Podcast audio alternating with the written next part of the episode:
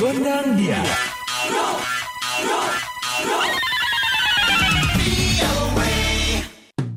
Halo halo Sobat VOA, kembali hadir VOA Gondang Dia bersama Dewi Gemini. Dan Ronan DC pastinya dari VOA di Washington. Sobat VOA, kali ini ada cerita dari Edo Sinaga asal Kalimantan yang belum lama ini ada di Amerika. Saya sudah 12 tahun jadi jurnalis, 11 tahun saya habiskan di editor radio Republik Indonesia di Pontianak dan tahun ini saya resign dan kemudian saya menjadi editor di jubi.co.id satu portal berita yang berbasis di Papua dan saya bekerja secara jarak jauh begitu untuk mengedit desk HAM dan juga sosial.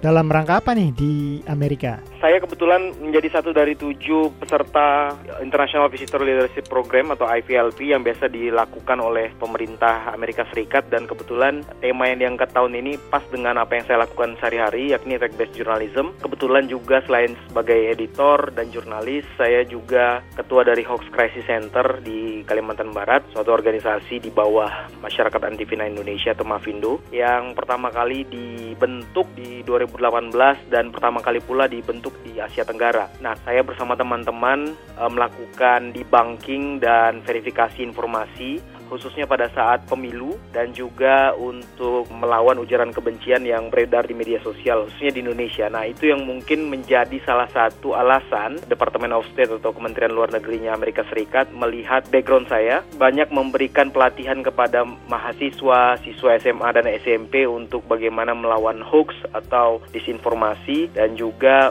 mengajarkan sejumlah jurnalis tentang tools atau alat yang biasa dipakai oleh para fact checker, pengecek fakta untuk melihat informasi itu benar atau tidak. Saat ini Anda sedang berada di mana? Saya saat ini sedang berada di uh, Minneapolis di Minnesota, wow. merupakan wilayah terakhir dari empat daerah yang telah kami kunjungi di Amerika Serikat. Yang pertama di Washington DC, kemudian selama sepekan, yang kedua di New York uh, selama sepekan pula, kemudian yang ketiga di Florida, tepatnya di St. Petersburg, dan uh, ini adalah kota terakhir di Minneapolis. Uh, di Sabtu nanti kami akan pulang melalui melalui uh, Minneapolis, kemudian akan transit di Chicago dan pulang ke Indonesia.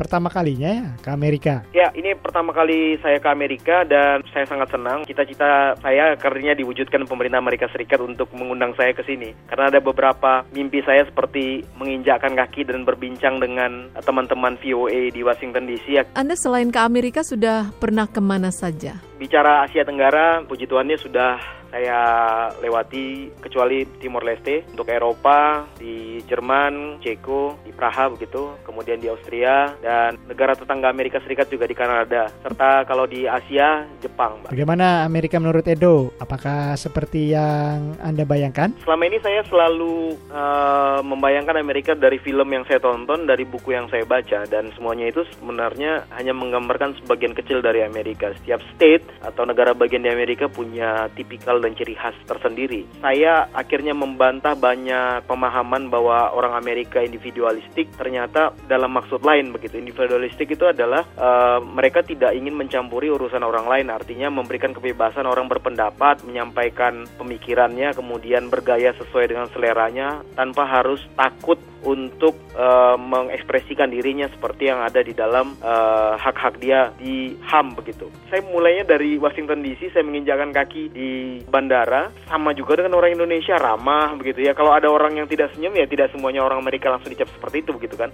Dan selalu menyapa kalau pagi good morning atau malam good evening. Saya diajarkan sekali lagi soal bagaimana masyarakat di Amerika Serikat mau membantu. Mereka menyumbangkan barang-barang yang masih bagus dan layak layak pakai misalnya ke Salvation Army atau Goodwill itu untuk dananya bagi homeless dan lain-lain. Artinya masyarakat Amerika memiliki sifat dan sikap membantu begitu. Pengalaman apa yang berkesan selama di Amerika? Saya bisa ke VOA di Washington. Walaupun tidak ketemu saya bisa melihat markas besarnya Washington Post. Ke New York saya bisa melihat NPR karena reporting saya adalah investigasi dan data jurnalism di Washington, saya belajar soal bagaimana data itu bisa dijadikan suatu yang menarik di radio. Itu yang pertama. Yang kedua, saya belajar bagaimana masyarakat di Amerika sangat-sangat-sangat menghargai media. Penyumbang atau donor terbesarnya melakukan kesalahan, mereka akan tetap beritakan. Apa suka dukanya nih selama di Amerika? Sukanya adalah saya bisa membangun jaringan yang baru, kemudian saya bisa bertemu banyak orang dengan perspektif yang baru, saya bisa melihat peradaban yang